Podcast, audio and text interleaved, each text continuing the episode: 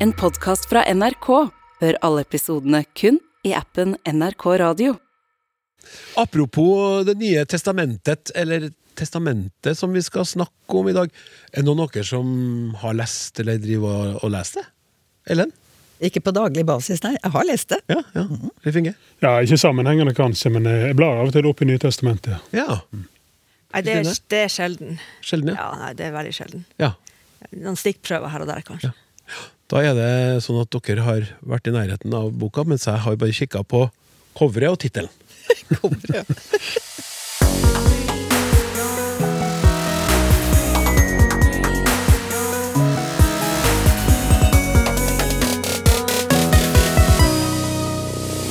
Hva er egentlig ei glemmebok? Nåde deg, sier vi, men hvor kommer det uttrykket fra? Er endelsene um og ium på vei ut av dagligspråket? Og kan mot og imot brukes om hverandre?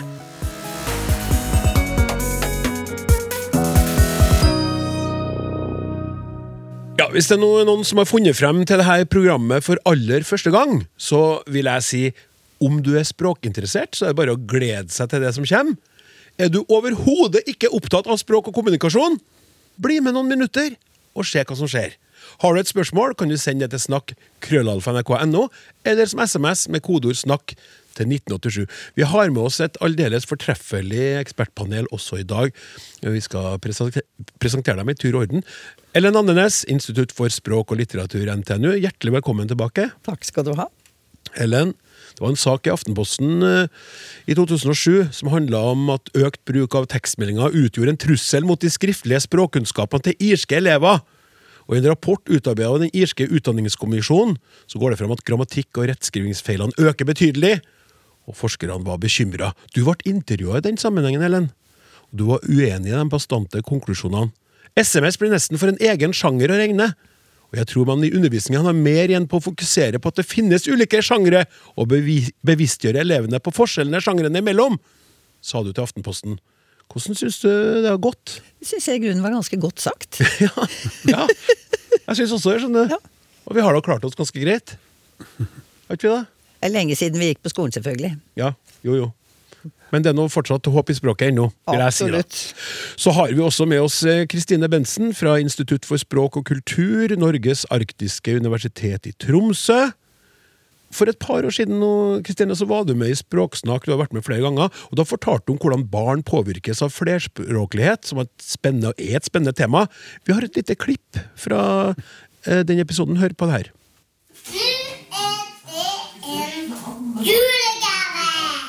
Mean a blanket? Is this a Christmas present? Ja, här den! Oh, here. Is it wrapped up in here? Ja, den gave till dig. Where's the present? This is the present. This is the present! Er det ei lita jente som sier det? er så koselig, det klippet her. Og det her er jo jenta di! Ja, det er det. Og, og mannen som snakker der, er mannen din! Ja. Altså pappaen til jenta. Og spørsmålet mitt er hvordan går det med den flerspråklige eh, lille jenta i dag? Det, det går det veldig bra. Hun snakker mye mer engelsk nå enn hun, enn hun gjorde da. Ja. Eh, hun snakka jo en god del da òg, men nå snakker hun nesten alltid engelsk med faren sin. Tre år cirka her. Ja, noe sånt Opptaket? kanskje. Ja, ja. Eh, ja er og- jo ni, sånn at eh, Ni år. Tida flyr. Ja. Åh, Carpe diem, sier jeg bare. Vi må gripe livet mens vi kan. Og vi har også med oss Leif Inge Aa, Institutt for lærerutdanning ved NTNU. Velkommen til deg òg, Leif Inge. Takk for det.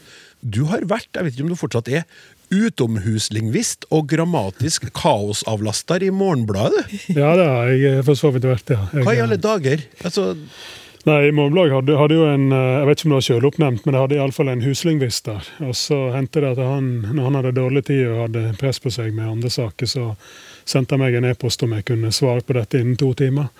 Og sånt, og da ble det litt sånn lyn, lynformidling som utomhuslingvist av og til. jeg syns at den lynformidlinga di var veldig forståelig. Det, det ga meg mening. Jeg har lest flere av dine veldig fort leverte utomhuslingvistiske besvarelser. Ja, men det er fint. Ja.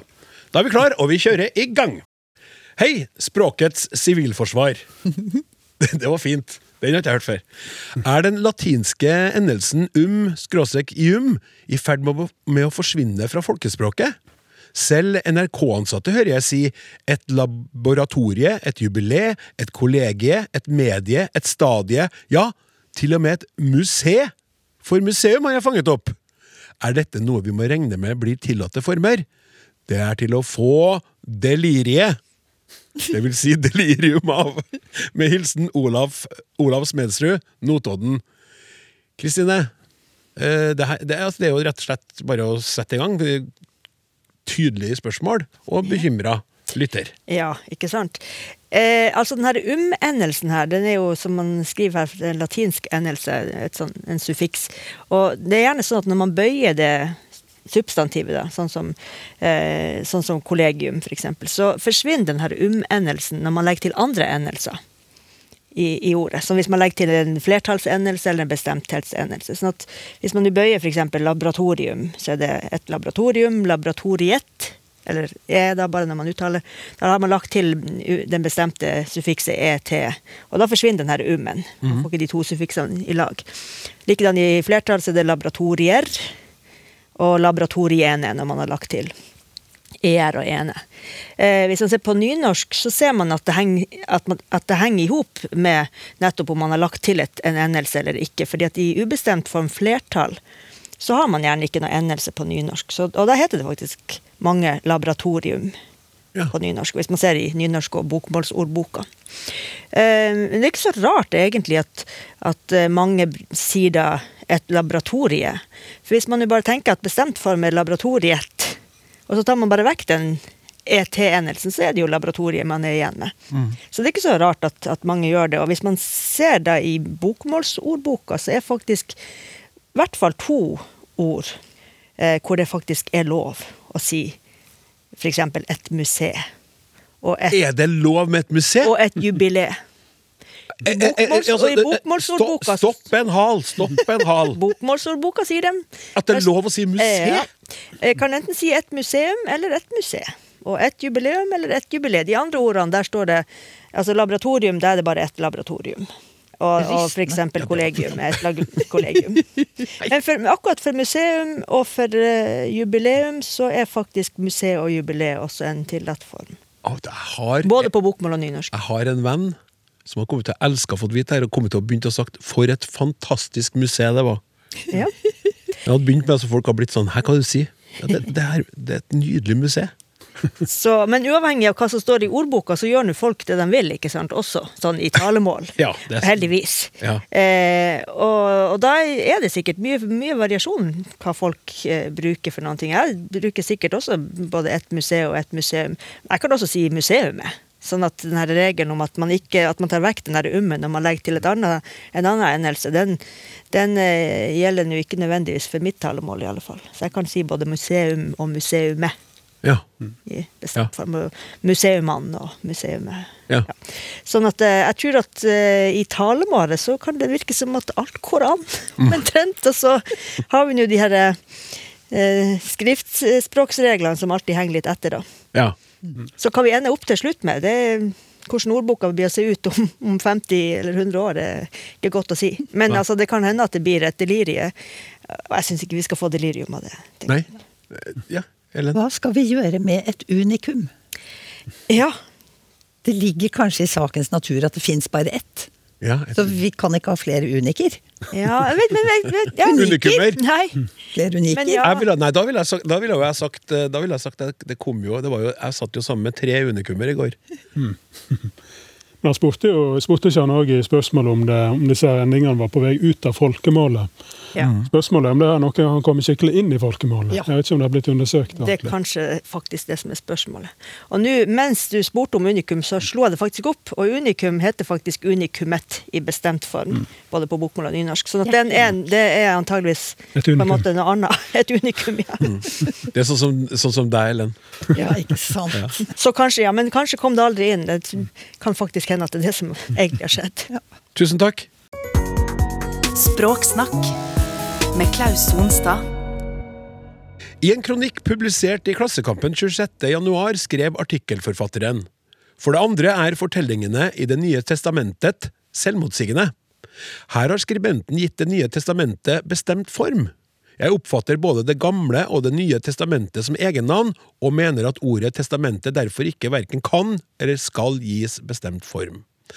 Hadde det derimot dreid seg om en arvesak, hvor det mange ganger foreligger et testament, testamentet, ville det stilt seg annerledes. For eksempel at det gamle, tidligere testamentet ikke lenger var gyldig, og at de etterlatte måtte forholde seg til et nytt testament, det nye testamentet. Å legge til en T i testamentet når det er tale om Bibelens to deler, er derimot feil. Har jeg rett? Per Ivar Henriksbø, Lillehammer. Ja, det finner jeg. Um, ja, jeg vil si det, det korte svaret på spørsmålet hans til slutt der, eller ikke om han har rett, men om det kan forstås som um, et navn eller en nemning, altså Nye testamentet og Gamle testamentet, det, det kan det nok. Men selv om vi forstår det som et navn eller en nemning, så dikterer ikke det en bestemt syntaks. For det er det, og han sier da bestemt ubestemt, det som han vil ha, det er en, det vi kaller for en enkelt bestemthet. Og det er altså, Han vil altså ha kun bestemthetsmarkering på artikkelen D, men så skal substantivet stå i ubestemt form. Det kaller vi enkeltbestemthet. Kun én markering av bestemtheter. Og det er, det er regelen i dansk. Og det er òg regelen i det vi kan kalle i, ja, i riksmål og i eldre bokmål. Da, som adopterer da den danske syntaksen. Vi var litt inne på norsk folkemål i stad, og i det norske folkemålet og f.eks. òg i nynorsk, så vil en da forfekte det vi kaller dobbeltbestemthet. Eller bruke det en kaller dobbeltbestemthet. Altså, Forskjellen vil jo være et annet, i en annen frase ved det norske språk versus det norske språket. Sant? Det første var enkel, den andre var dobbeltbestemthet. Og Da vil han da altså ha eh, en enkeltbestemthet for å fremme det som et navn. Men da vil jeg påstå at en, selv om man fremmer det som et navn, så kan en òg ha dobbeltbestemthet. Og, eh, for, det, for det han egentlig vil ha, er en, en, eh, litt, en litt gammel, stivna form da, av, av nevninga Det nye testamentet. Men det, det som taler imot eh, synspunktet hans, det er når eh, Bibelselskapet sjøl, på bibel.no, de bruker dobbeltbestemthet. Det nye testamentet. Og Det gjør òg begge ordbøkene for eh, nynorsk og bokmål.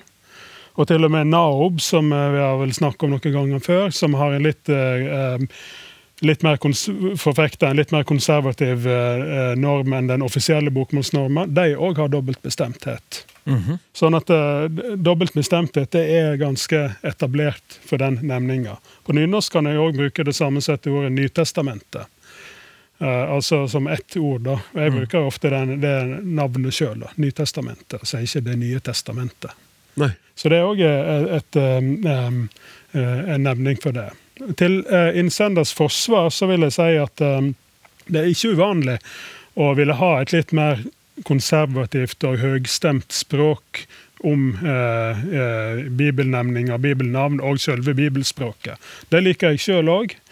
Jeg har stor glede av å lese av og til i Gammeltestamentet, i ett ord.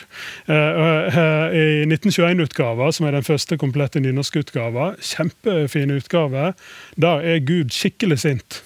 Mye sintere enn i 78-utgava, som jeg fikk til konfirmasjon. Så det er mye mer artig å lese det med litt sånn uh, høgstemt eh, Så jeg, jeg koser meg med det sjøl og har den litt den høgstemte tonen i, i da, men da er vi kanskje litt sånn vanedyr, da.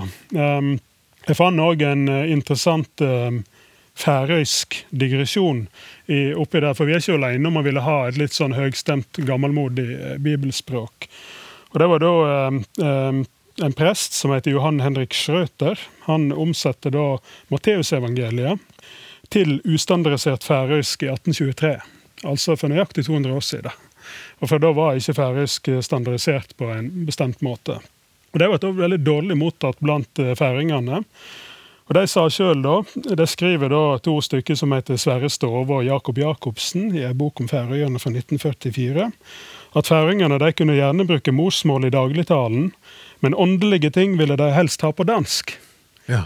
Og Så legger da forfatterne litt vittig til. Til færingenes forsvar kan det sies at også andre folk til tider har ment at dansk er det eneste språket Vår Herre forstår. Så da, så da tar det fint den hjem til oss. Ja, herlig. Jeg føler bestemt at det var et godt svar. Det du kom med nå. Takk skal du ha. Og hvis du som hører på, lurer på det, ja, Færøyene er et fantastisk sted på jord. Jeg har vært der, var der i fjor. Så anbefales. Når eh, kronekursen blir litt mer gunstig, så kan, bør du ta en tur til Færøyene. Ja, tusen takk skal du ha.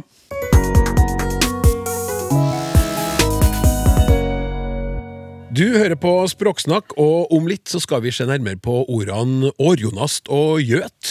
Eh, Men før det så skal vi innom eh, Glemmeboka. Hei!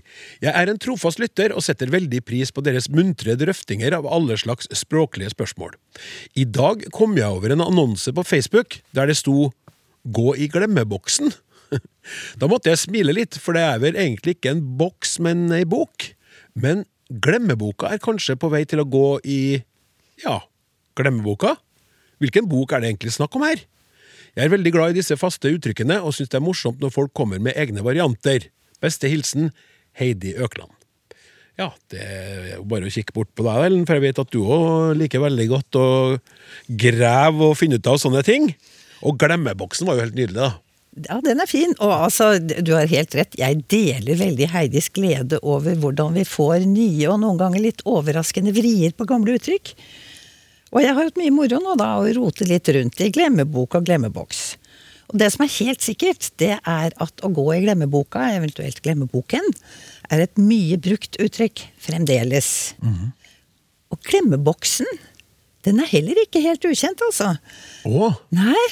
Eh, på Nasjonalbiblioteket så fikk jeg sånn rundt 50 treff i aviser og seks i tidsskrifter. ja. Ja, så skal vi se. Først glemmeboka, da, som er det opprinnelige uttrykket. Og til sammen så har glemmeboken og glemmeboka 17 000 treff i bøker. Tusenvis av treff i tidsskrift og over 53 000 i aviser. Og minst seks bøker har eh, dette ordet i tittelen, og det er bøker i mange forskjellige sjangre. ja. Det er eventyr og fortellinger som ikke må gå i glemmeboken. Sanger og eventyr som ikke må gå i glemmeboken. Rim og regler som ikke må gå i glemmeboken. Og så videre. Så fant jeg en erindringsbok som het Innen alt går i glemmeboken. Erindringer og selvopplevelser fra Argentina, Chile og, Chile og Uruguay. Du verden. Og så fant jeg noe som het Glemmeboka 2012. Det var en nostalgisk ordliste ispedd kuriosa og anekdoter. Ja. Altså litt gammelmodige ord, da. Og så min eh, foreløpige favoritt, det er Den store norske glemmeboka. Om nisser, troll og vetter. Også den fra 2012. ja. Eh, Du fant jo dette uttrykket i noen riktig gamle tekster, gjorde du ikke det, Leif Inge? Jo, ehm, jeg har ikke skrevet det opp men jeg fant jo det i, nytt, i, i Fedreheimen, var vel det, i, i bladet Fedreheimen, som Garborg styrte på. Ja, det var noen eksempler var fra rundt 1880, da. Ja. Og altså Det er ikke helt entydig den presise betydningen. Norsk Ade- Akademis ordbok skriver at det kanskje er dannet som en humoristisk parallell til huskebok. Fordi i en huskebok så skriver man ned ting man Altså man skriver dem ned for å huske dem. Ikke sant? Eh, Bursdagsdatoer og eh, ja, notater og sånne ting. Eh, og i glemmeboka skriver man da ned ting man gjerne vil glemme? Eller er det sånn at det som står der, er rett og slett det man har glemt? Eller nesten glemt? Det er ikke helt tydelig. Det eneste som virker helt klart, det er at glemmeboka er en mental størrelse, altså en form for hukommelse, både på individuelt nivå og i kulturen. Og så fant jeg da en fin forklaring i en barnebok av Rune Johan Andersson fra 2001. Ja. Hvor eh, far og sønn på sengekanten snakker om kosedyr, og far kan ikke huske om han hadde noe kosedyr da han var liten. Dette var veldig rystende for barnet. Eh, det var rart, sier far, det må ha gått helt til glemmeboken. Ja, men se etter i glemmeboken din, da, sier gutten, om det er noe kosedyr der. Så blir han også veldig tenksom og sier eh, hva er glemmeboken, forresten? Er det en bok til å skrive i, eller noe slags album til sommerferiebilder? Far ser fjern ut. Glemmeboken er nesten som et album med bilder i. Bilder fra langt tilbake. De bildene jeg ikke husker nå, men som er der hele tiden. Langt bak i glemmeboken. Lengst nede i dypet. Vi voksne har så mange kriker og kroker der alle årene og opplevelsene våre ligger gjemt og glemt. Ja, er det borte for all tid, da, spør gutten. Og så forklarer far at nei, det er ikke borte. Det kan hentes fram. Fra langt nede i dypet av hukommelsen. Så det er jo et slags synonym for hukommelse, da, med et perspektiv på de minnene som står i glemmeboka. De er ikke så lett tilgjengelige. Så man må jobbe litt for å hente dem fram. Så til glemmeboksen. Vi må ikke glemme den. Nei, vi må ikke glemme glemmeboksen. Og vi vet jo det at det er noen skoler som har en egen glemmeboks. Og den er helt konkret, at der samler de de tingene som elevene glemmer igjen på skolen. Ja, ja, ja, det har jeg, har jeg vært og rota i flere glemmebokser, hvis det er sånn vi tenker på det. Ja, ja. Og da ligger de jo der for at man skal kunne hente dem fram igjen. Mhm. Og det tenker jeg også må være noe av motivasjonen når folk skriver eh, den store norske glemmeboka om nisser, troll og vetter, f.eks. Mm -hmm. Så kan vi finne det der. Eh, Og det, det at vi har konkrete fysiske glemmebokser, gjør det kanskje litt mer tilgjengelig også som ord i andre sammenhenger. Mm. Jeg har lest i forskjellige lokalaviser da, om sceneshow som ikke går i glemmeboksen med det første. Oppfordringer til å åpne lokket på glemmeboksen. Eller rett og slett å komme oss ut av glemmeboksen, eller få regjeringen ut av glemmeboksen. Ja. Ja, alt det er fra 2000-tallet, da. Men det tidligste eksempelet jeg fant, det er faktisk fra 1942. Og det er altså 80 år siden. Det sto i Vestlandske Tidene om den nordamerikanske kulturen. Og det sto når grønnsa... Altså, de hadde fått hermetikkindustri, ikke sant? Hermetikkbokser. Eh, og så skriver da i Vestlandske Tidene når dette skal lagres, grønnsaker, frukter osv. Og, og all erfaring er gått i glemmeboksen. Ja, hva så? ja.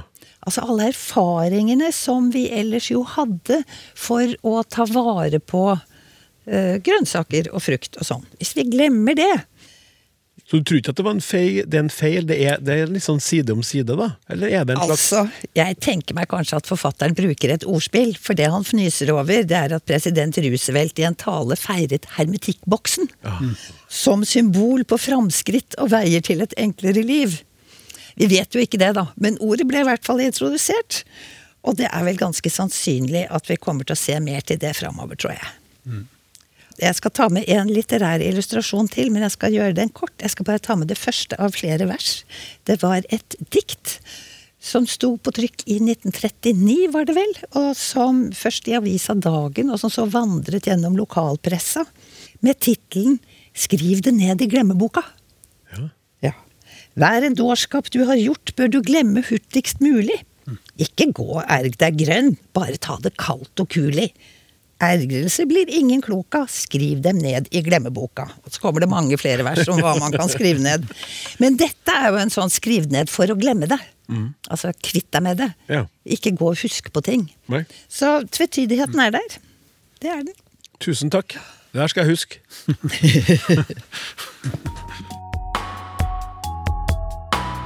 Hei, mitt navn er Therese, og favorittordet mitt er glimt. Eh, Det er det fordi at liksom jeg føler jeg bare er positivt ladd. Sånn. sånn et glimt i hverdagen og sånt. Og så forbinder jeg det med favorittfotballaget mitt, som er Bodø-Glimt. Onsdag 26. april så spilles Språksnakk inn med publikum i salen. Helene Uri, Jan Christian Hognestad og André Midtskogsæter Reite sitter i panelet, og du kan bli med på moroa. Om du befinner deg i Trondheim den kvelden og har lyst til å både høre og se Språksnakk, så går du inn på nettsidene til Litteraturhuset i Trondheim, så bestiller du billett der. Adressen er Litteraturhuset i Trondheim.no. Jeg gjentar Litteraturhuset i Trondheim.no. Og så skal vi til en lytter som eh, skriver om Solution. Jeg synes bare det var et artig lite innspill han kom med her. Hei! Hva har dere å si om dette? Hvis vi løser salt i vann, får vi en løsning. Samme gjelder for alle vannløselige salter. Engelsk en løsning heter solution. Greit nok, men når vi går fra kjemi til matematikk, har vi noe vakkert som heter ligninger. Disse har også en løsning, eller flere. Engelsk en løsning av en ligning heter også solution. Er ikke det litt artig, da? Takk for meg! Med vennlig hilsen Johan Christian Olsen. Takk for deg, Johan!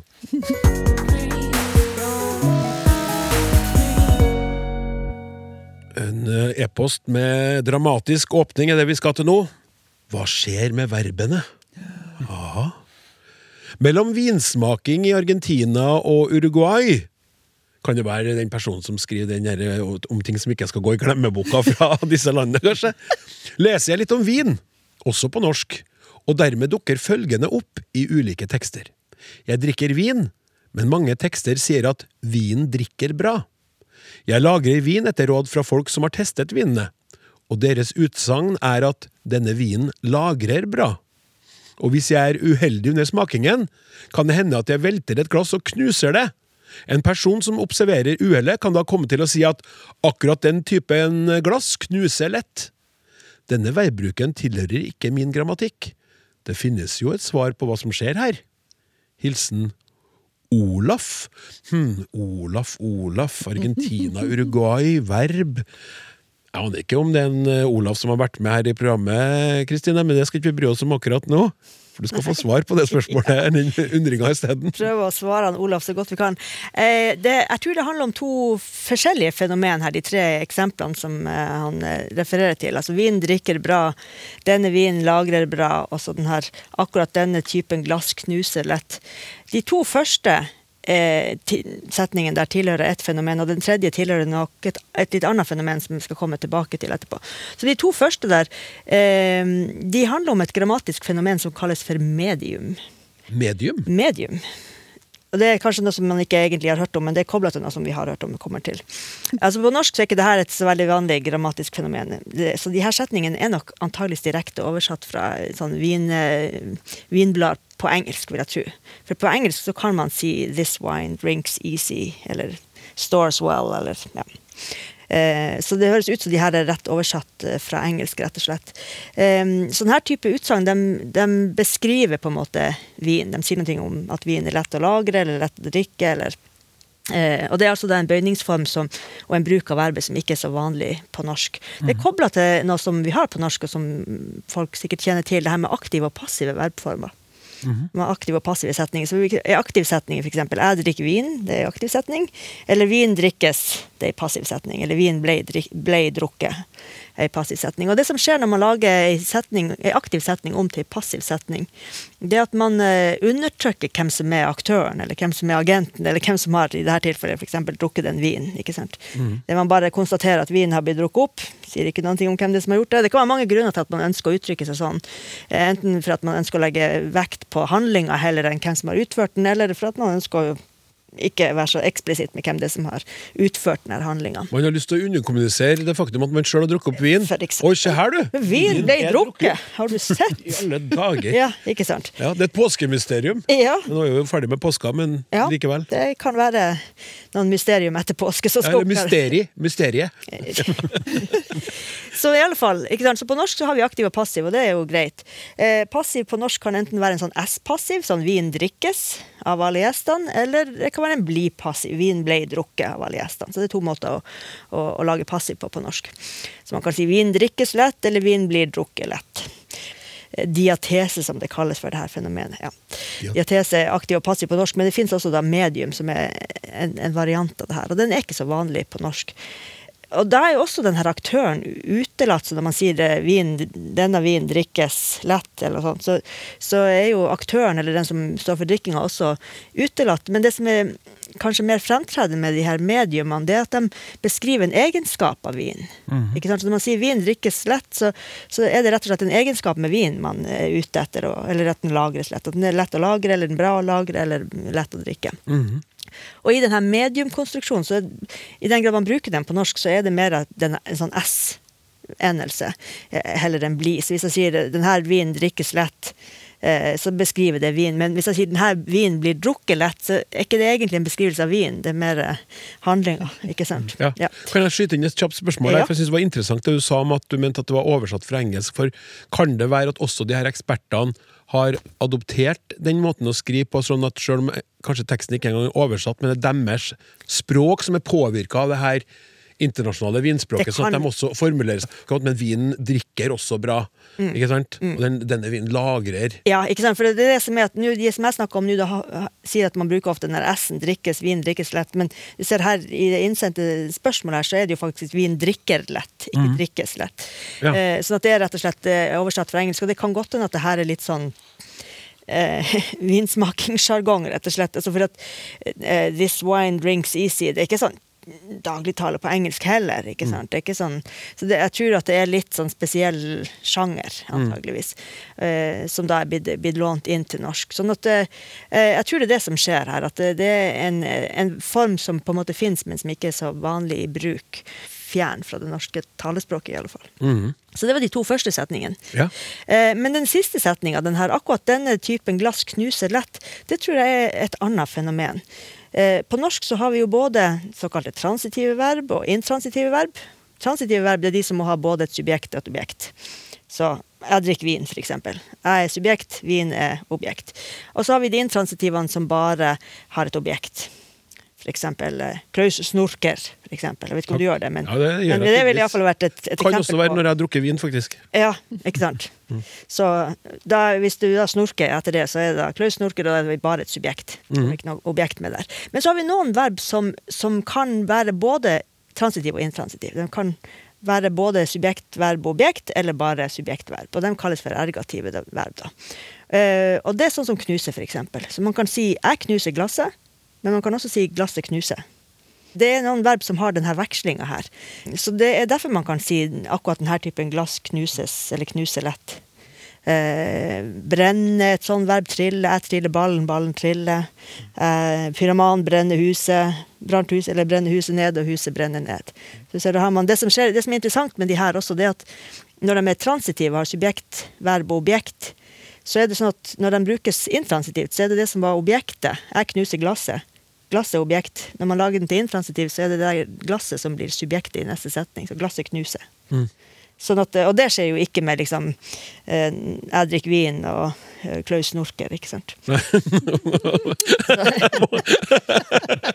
For jeg la merke til at jeg syns den siste setningen var mer sånn Det, det, det kunne jeg fint ha sagt. Ikke sant? Ikke Sant, sant? så- Den er helt innafor. Så noen sier unnskyld, sorry, beklager, ikke sant, så sier jeg slapp av, det går helt fint, den, den typen en glass der knuser lett. Så Ja, det, det, det har flere, flere sånne Vi vet om, vet om det problemet. Ja. Det hadde vært noe, men jeg, hadde, jeg, jeg tror ikke jeg kunne ha sagt Nei, vin drikker bra. Det, det hadde vært mer sånn Ja, det er sant. Fremmed i munnen.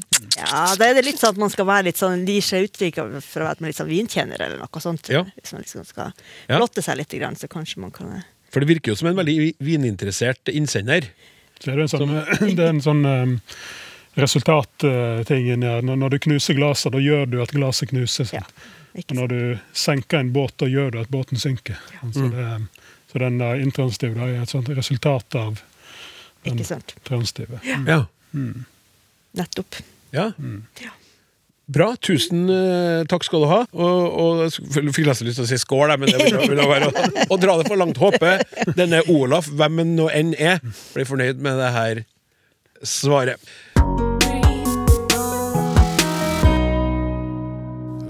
Hei, takk for interessant og morsomt program. Siden eh, du, Klaus Sonstad, sier at dere er glade for henvendelser fra oss lytterne, tar jeg oppfordringen med glede. Så bra, Else Marie, det setter vi stor pris på! Og hør på det her, da, Leif Inge. Her kommer et spørsmål om opprinnelsen til to ord som brukes på Søre Sunnmøre. Det ene er årjonast, som betyr at noe brytes ned, ødelegges, råtner. Det andre ordet er gjøt, altså L-J-Ø-T, som betyr lite pen. Og spørsmålet er altså opprinnelsen av her to ordene, og det er sendt fra Else Marie Vestrum Olsson med to s-er. Årjonast og gjøt. Ja. Nei, veldig fint spørsmål. Det, det ene av det, det første, da, det er jo ikke så lett å, å Det har ikke så klart opphav som det andre. da. Så vi kan begynne med det som er vanskelig, og så tar vi det lette etterpå. Får vi en liten opptur. Ja. Så da Det, det År-Jonas, da, det, det har eh, Det står jo ikke i ordbøkene, i hvert fall ikke det i nynorske boka og bokmålsboka, men norsk ordbok har prøvd å, å lage ei, eh, foreslått en norm til det som avriona eller avrionast. To forskjellige oppslag, da, med av, da. Ja. Uh, og Eh, så de de har foreslått å gitt den standarden til det.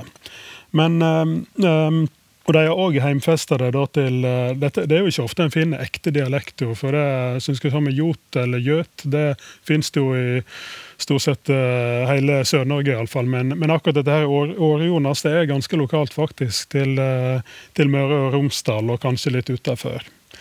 Men um, hun eh, sa vel at det betydde å råtne, var ikke det slik? Jo, brytes ned, ødelegges, råtner. Ja, ja for det er han godeste Åsen, og Iver Aasen, han, eh, han omsetter det da til, eh, det, til ordet vansmekte, da, som betyr altså å miste kreftene ved utmatting, enten av svolt eller tørst. Ja. Det er litt det samme at musklene dine råtner, eksempel, eller de forsvinner svinner hen, og du mister krafta på en eller annen måte. Ja. Men han, um, han eh, lager annen rettskriving til det. Han normerer det til ordtjenest. Ordtjenest? Ja, ordtjenest. Som han da sier for meg i sogn. Og han sier da år, årtjona det er forma i Romsdal, og så viser han da til årjonast, som da innsenderen hadde, fra Sunnmøre. Uh, og så er det et par andre former av Orona og ordena fra Nordmøre. Men han kobler det altså til verbet tjenas, eh, tjena eller tjenast opp. Ja.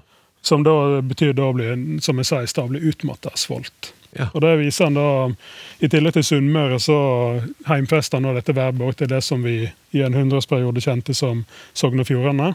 Eller det vil si det var etter Åsens tid det fylket kom inn, da, men eh, ja, det tilsvarer det i hvert fall. Og Helgeland, faktisk. Ja. Um, så det andre ordet, gjøt, det, det er litt enklere, for det har et, eh, et eh, ganske klart norrønt opphav. Ljoter. Og det har òg da fått normert form av ljot, eller jot, kanskje uttalende. En form av altså ljot. Og som jeg sa i stad, særlig i Sør-Norge, dvs. Si rundt om i hele, i hele Norge sør for Dovre, om man kan si slik, da, der er dette ordet, eller har vært iallfall et bruksord. Ja.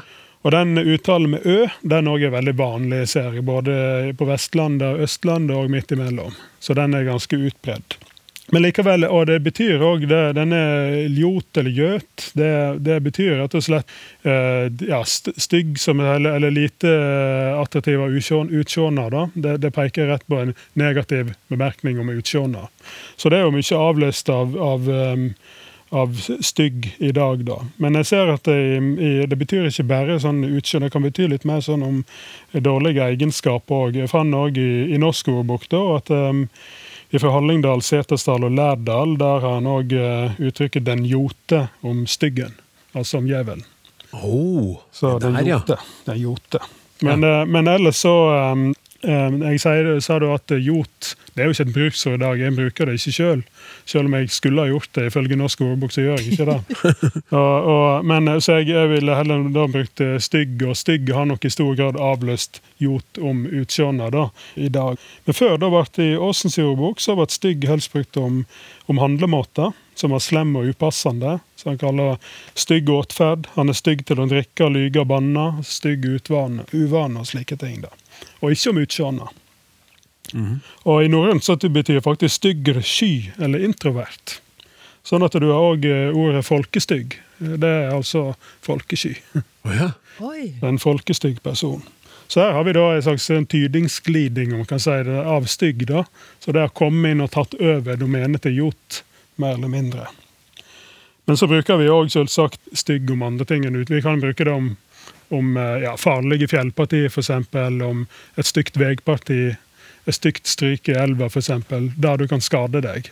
Så det har ikke bare om ja, for det, det, gjør det, det har, har ikke jeg. du gjør ikke det? Nei, aldri. Nei, ok, Da er det litt mer lokalt, kanskje. Men det, jeg bruker iallfall stygg om, om flere ting. slik Ja. da. Men, eh, men det er ikke tvil om at den utsjånad-adjektivet da, da har det mm, nok for veldig mange talere tatt over. da.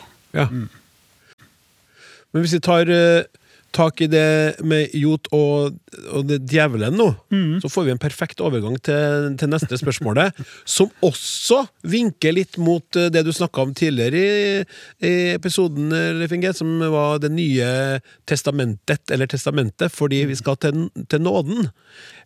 Hei, Språksnakk! Jeg har i det siste satt meg litt eh, inn i Augustin sin avhandling av nåden og den frie vilje fra ca. 420 etter Kristus, du verden. I den forbindelse kom jeg til å tenke på uttrykket min generasjon på 1970-tallet brukte. Nåde deg! Det sa vi hvis vi mente at noen var i ferd med å gjøre noe galt mot oss, som en slags advarsel. Ifølge Augustin er det kun Gud som kan gi oss nåde. Vi gikk alle mann på søndagsskolen og hadde lest Vårt Fader vår. Jeg gikk på søndagsskolen. Da henta jeg med meg alle fra søndagsskolen, og så dro vi hjem til meg. Men det er en annen historie. Men kan dere forklare hvor nåde deg kommer fra? Det må ha hatt slags, en slags omvendt betydning, kanskje noe slik som du vil miste Guds nåde hvis du gjør dette, skråstrek denne forbrytelsen mot meg. Takk for bra program. Med vennlig hilsen Gjert Meling. Ja, herlig. Ja, hvis du ser i nåde til oss nå, Ellen, så har du et svar. Ja. Altså, Først så må jeg jo få si at jeg syns det er veldig kult at vi har en lytter som leser Augustin, og kan koble det til språkbruken i sin ungdom. Og min ungdom. Fordi jeg gikk riktignok aldri på søndagsskolen, men vi brukte jo også 'si nåde deg hvis. Og hvis er veldig eh, viktig her for å forstå det rett. Men nå skal jeg først si litt om begrepet nåde, og så om uttrykket. Og så får vi se, hvis det blir tid, så kan jeg si noe om noen uttrykk som ligner, og hvordan de blir forstått og brukt nå. Men altså, først nåde, da. Det ordet det kommer av det norrøne nauda, som betyr å beskytte eller gi fred og ro. Fra gammelt av så gir det uttrykk for forholdet mellom en overordnet og hans undersåtter. Hvis forholdet var godt, så kunne det bli uttrykt med at han så i nåde til sin tjener. Altså at han hadde velvilje overfor vedkommende. Eh, I vår tid så kan fremdeles noen få avskjed i nåde.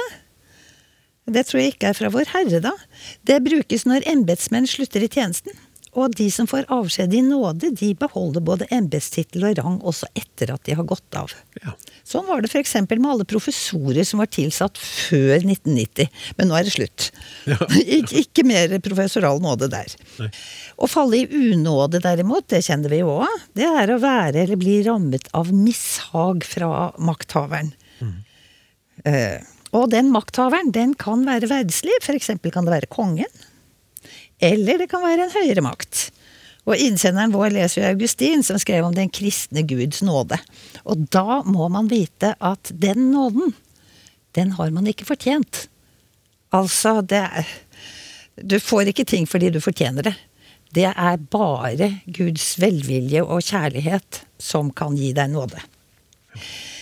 Og så, da, til dette uttrykket. Innsenderen har nok ikke helt rett når han gjetter på hvordan det er blitt til.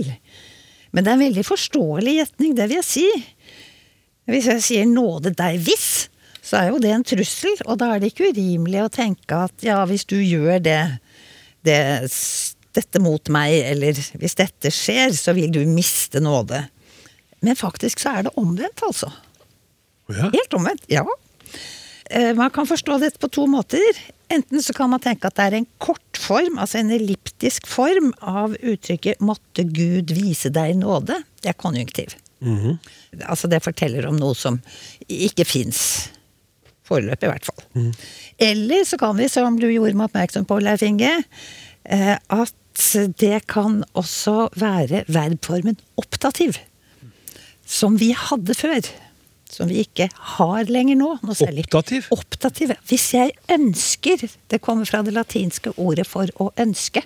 Hvis jeg ønsker at noe skal skje, eller skulle skje, da, siden det er lenge siden vi mista det, så eh, kunne jeg altså bøye verb også på den måten. Vi kan jo gjøre så vidunderlig mye med språk, ikke sant? Og i noen språk, annet i eldre norsk, så gjorde vi jo veldig mye av det ved hjelp av bøyningssystemet. Nå har vi mista mye bøying, eh, og vi gjør ting på andre måter. Eh, Så i moderne norsk nå så har vi imperativ. Hør etter nå, Klaus. Ja. Bydeformen, den husker alle fra skolen, tror jeg. Og så har vi indikativ, som er den vi bruker når vi bare konstaterer hvordan noe er. Klaus hører etter nå. Og så har vi konjunktiv, som vi bruker om noe som ikke er tilfellet. Hadde du hørt etter, Klaus, så ville du ikke ha spurt så dumt, eller noe sånt. Ikke sant? Men altså, så var det optativ. En egen ønskeform. Det er jo så kult. Men eh, vi har den ikke lenger. Bare i litt sånn størknete uttrykk av typen 'leve kongen'. Eller 'nåde deg'. Og da hører vi jo der Samnes sier det sånn. eh, Signe arbeidet. Det brukes kanskje ikke så mye nå lenger. Nei, det er beste vi pleide å si det. Ja. mm. Ja. Sa det? ja Signe arbeidet, sa hun. Ja. Signe middag. Signe middag nå til. Ja, altså, jeg sier det selv. Signe Maten Signe Maten, eh, ja. husker jeg faktisk fra liten, ja. De som leser Donald, og har en splittemine med ramseil. så Ja, Ja, Det, det, er- det er det samme. ja altså det... fra, fra Augustin til Donald. Det er bra. Ja, ikke det er språksnakk, det. Det er språksnakk. Ja. Skikkelig. Det dreier seg altså om et ønske som den som snakker, har. Og vi har det jo også i en del eder og forbannelser. Der ønsket er av en spesiell type. da. Fanden hakke, søren klype, pokker ta. Og for å komme tilbake til utgangspunktet da. Vi kunne ha sagt 'pokker ta deg' hvis du ødelegger den nye jakka mi. Det ville vært en veldig tydelig forbannelse, et ønske om at djevelen skal ta deg, altså. Men det var jo ikke det vi sa. Isteden så sa vi 'nåde deg'. Og det skulle jo egentlig bety at jeg ønsker at Vår Herre skal se i nåde til deg. Veldig fromt. Eh, gir det mening som trussel, da? Egentlig ikke. Vel, det gjør jo det. fordi her som ellers så må vi jo tolke utsagnet ut fra konteksten, ikke sant. Sammenhengen det blir sagt i. Eh, gjerne også med ansiktsuttrykket og tonen. Og så er det det 'nåde deg hvis'. Mhm. Eh, Det gjør det klart, tror jeg, at hvis dette skjer, så er det bare Guds nåde, som du jo altså ikke har fortjent, som kan redde deg fra konsekvensene. Slik Så på den måten så så kunne vi komme med trusler forkledde som fromme ønsker, og vi hadde slett ikke sagt noe stygt. Nei. Ja. Tusen takk. Hei, mitt navn er Scott. Mitt favorittord er seier. Det er fordi jeg elsker å vinne.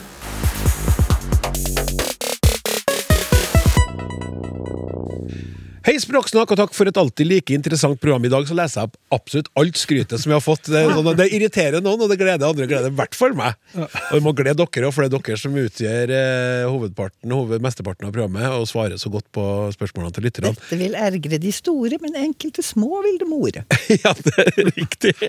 og, og det her er da et eh, det er, to, altså det er to spørsmål. Vi har valgt å hoppe til del to av denne e-posten fra Grete Olsen, som er sendt inn til snakk.krøllalfa.nrk.no. Og hun lurer på om ordene mot og imot kan brukes om hverandre, brukes på samme måte. Jeg sier for eksempel 'jeg er imot den høye strømprisen', mens ved ordet mot tenker jeg mer som at man har mot til å gjøre en handling, med andre ord at ordet kommer fra å være modig. Kan Språksnakk forklare om det er forskjell på bruken imot og mot, slik jeg ser det? Takk for oppklaring av begge spørsmål. Uh, hun lurer jo egentlig på om det ikke kan brukes. Altså Hun er jo uenig i det, på et vis, da. Om man kan bruke mot og imot om hverandre. Jeg kikker mot deg, Leif Inge. Ja, men det, det går fint. Eh, Det, er jo en forskjell her, men forskjellen er gjerne litt større òg enn hun antyder. Med at eh, det er snakk om to helt forskjellige ord her. Som, eh, altså to, to ord som er mm, like i form, men har helt ulikt opphav. Eh, For det er det ene ordet her, som det første ordet eh, mot, om det er vemodig, det er noe annet enn preposisjonen mot, som betyr møte. Det kan vi komme tilbake til preposisjonen etterpå. Men også dette her eh, å være det òg har en litt sånn eh, tvetydighet over seg alene, hvis du tar det ordet først. da. Vi må behandle det som to helt forskjellige. I norrønt så hadde vi et ord, eh, moder, og det betyr, betydde da sinn eller huglag eller lyst. Så da kunne han også, I eldre nynorsk så ser en òg en del eh, eksempler som eh, er sånn ha et godt mot, være ille til mode. Og ha mot til å ta seg en tur ut. Det betyr ha lyst til å ta en tur ut. Ja. Ikke, å, ikke å våge det, men å ha lyst til det. Og, og I eldre nynorsk så skrev en dette med, med det, da, mod. Denne typen. Men så lånte vi på et tidspunkt inn mot, med MUT fra tysk. Mot. Mot? Ja, fra tysk. Og, og, Du hast mot, mann! Ja, og, det, og det ordet betyr da eh, omtrent det samme som eh, innsenderen spør om, altså våge mot. Så da, da har vi allerede her en tvetydighet med Hvis du sier at du har mot til å gå ut, så kan det bety både at du har lyst til det, eller motsatt. I hvert fall i eldre nynorsk kunne det bety det. Eller om du våger å gå ut. da. Ja. Så der er det en tvetydighet. Men så spør hun òg om, om, eh, om mot og imot, altså preposisjon mot. Og det er et helt annet ord som ikke har noe med dette her eh, sinnelag og vågemot å gjøre i det hele tatt. Mot betyr møte, eller kommer fra et tidligere substantiv som eh, betyr møte, og vi har jo nøsta opp i motopphavet i en tidligere en av de sendingene vi snakker om tog, men vi snakker stort sett om tog hver gang jeg er inne, så det i Du, hvert fall nå nevnte jo tog igjen. Ja, nevnte det nå òg, ja. Ja, Tredje gangen, jeg vil jo anbefale at, eh, at du som hører på, går inn og hvis du ikke har hørt på tidligere språksnakk, det er mye bra der, og da Mm. kan du også høre Leif Inge snakke om mot. Toget mot eller til Steinkjer, Ja. vi snakker om da. Mhm. Men da er det i hvert fall at den preposisjonen mot, den betyr da eh, egentlig møte. Sånn til før da vil han si da, eh, I norrønt så sa han i mot, eller å eller a mot, eller å mot, altså i eller på møte. Og det har da senere blitt til preposisjonen mot eller imot. Så det er at når vi har da preposisjonen mot, da kan vi veksle mellom mot eller imot. Og, og- og det gjør vi òg, men det vekslinga er ikke helt vilkårlig. For du har også nemlig her en ny tvetydighet. og det er nemlig når, når jeg sier at mot betyr møte, da kan du jo gå i retning av noe. Eksempel når du sa når du så mot meg, så så du i retning av meg. Men så kan du òg gå på motsatt lei av noe. Du kan krangle, eller du kan argumentere mot noe. Sant? Da går det på kollisjonskurs. Ja. Så, så, det, um, så da har du en tvetydighet når du bruker mot, altså. Altså enten retning av eller i motsatt retning av. Hvis du har den uh, oppdelinga da med at du enten eh, går i den leia eller du går i motsatt lei, så, min, så sier min intuisjon, før jeg undersøker det, da, så sier min intuisjon at når jeg sier mot uten i, da vil jeg eh, forstått det lett som denne retningstydinga. At jeg går i retning mot Steinkjer eller mot hotellet eller et eller annet sånt.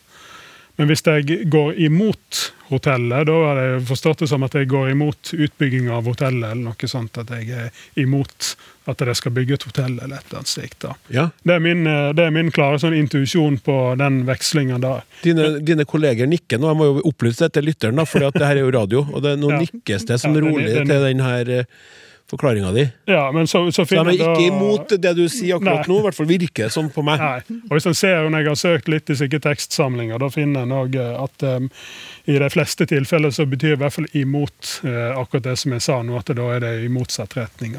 Men så finner en da òg at mot uten i blir brukt på denne måten. Jeg fant et eksempel. Seks av ti Ap-velgere er mot uten i pelsdyroppdrett.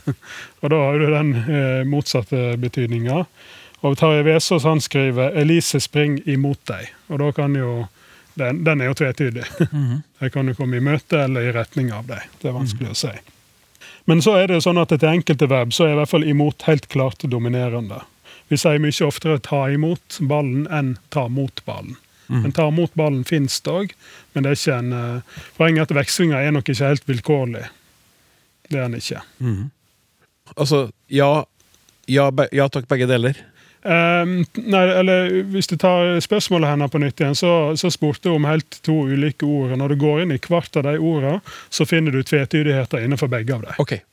skjønner. Takk skal du ha. Vi rekker et lite spørsmål til vi, før vi takker av for i dag. Og da passer jo bra at du er her, Kristine. Jeg lurer på om det er tilfeldig eller ikke. Jeg vokste opp i Tromsø på 1950-tallet, skriver denne innsenderen. Der hadde vi et merkelig ord for søle, skråstrek gjørme. Shettika. Hvor kan det komme fra? Jorunn Sørensen som undrer. Bor ikke du i Tromsø? Jo, jeg bor i Tromsø. Eh, Jeg er jo ikke vokst opp der. eh, Men jeg, jeg har hørt det ordet. Men jeg har snakka litt med noen kollegaer av meg som er vokst opp i Tromsø. Og de kjente jo til det her. De husker at det var noe de brukte. Shettik eller shettika. Altså om gjørme og søle, gjennom de her sølekakene som man driver og lager. Ja. I, liksom, I grøfta eller der det er.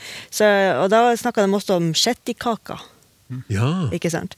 Så akkurat hvor det kommer fra, det, det, helt, det har ikke helt kommet til bunns i. I nynorskordboka så finner man ordet skittdike. Skittdike. Ja. Ja. Eh, som jo er altså, ei, ei dike som er full av skitt og gjørme. Ei dike ikke sant? det er jo sånn, enten et gjørmehull eller ei grøft, eller ei dreneringsgrøft. Eller det kan også være en vold som beskytter mot oversvømmelse. Man bygger diker for å holde vannet på plass. ikke sant? Et annet ord for, eh, for en sånn vold eller en sånn demning som beskytter mot eh, oversvømmelse, det er jo det franske ordet jeté. Ordet i norsk som, som kommer fra franske ordet jeté. Så, og det ligner jo også Altså Det handler jo om ting som skjer i grøfta, hvor det er masse sånn Ja. skitt og gjørme. Så, så opphavet til shettik eller shettika kan være komme derifra. ja. Og så har vi jo Skal ikke gå noe videre inn på men vi har jo det trønderske Vi sier jo skuttu. Ja, hvis man er litt ul, ul, Ja. urven i magen. Ja. Urven i Ja magen, det, det, så- det er sjette, ja. Ja, så da. det er noe sjette- Det sjette- ja. Det er nok noen, noen relasjoner der som Vi trenger ikke å gå nærmere inn på det. Vi- det Ja. Lytterne kan Vi stopper selv skjønne det. Ja, det er greit. Jeg tenker på de demningene jeg, som de bygde da jeg var lita, av søle. Ja. Ja. Ja. Ikke sant? Så det er kanskje ikke bare de her sølekakene, men kanskje også man driver jo og lager demninger. Og, og da kan det være både jeté og skittdike som er, Ja. det er jo ordopprinnelsen der. Det høres ut som et veldig sånn fint vårtegn. Ja, ja, ja. ja. I motsetning til kjuttu, kanskje. Men ja. sånn, så er det en stund til vi kan drive denne aktiviteten i Tromsø nå i- april. Med den sneen vi har, så blir det lenge til Nei, vi det, holder det, på det, med det. men du, du, kan, du kan lukke øynene og forestille deg det. Hvordan, vi, hvordan vi kan få det lenger Ja, vi sør. kan, vi kan drømme om juni når vi kan begynne med sånt. ja, det er bra. Juni-juli. Ikke for å gnine inn, men Ok, Språksnakk går eh, imot, går mot, går imot, går mot slutten. Takk til dagens eh, panelister, og til deg som hørte på. Jeg heter Klaus Sonstad. Vi snakkes.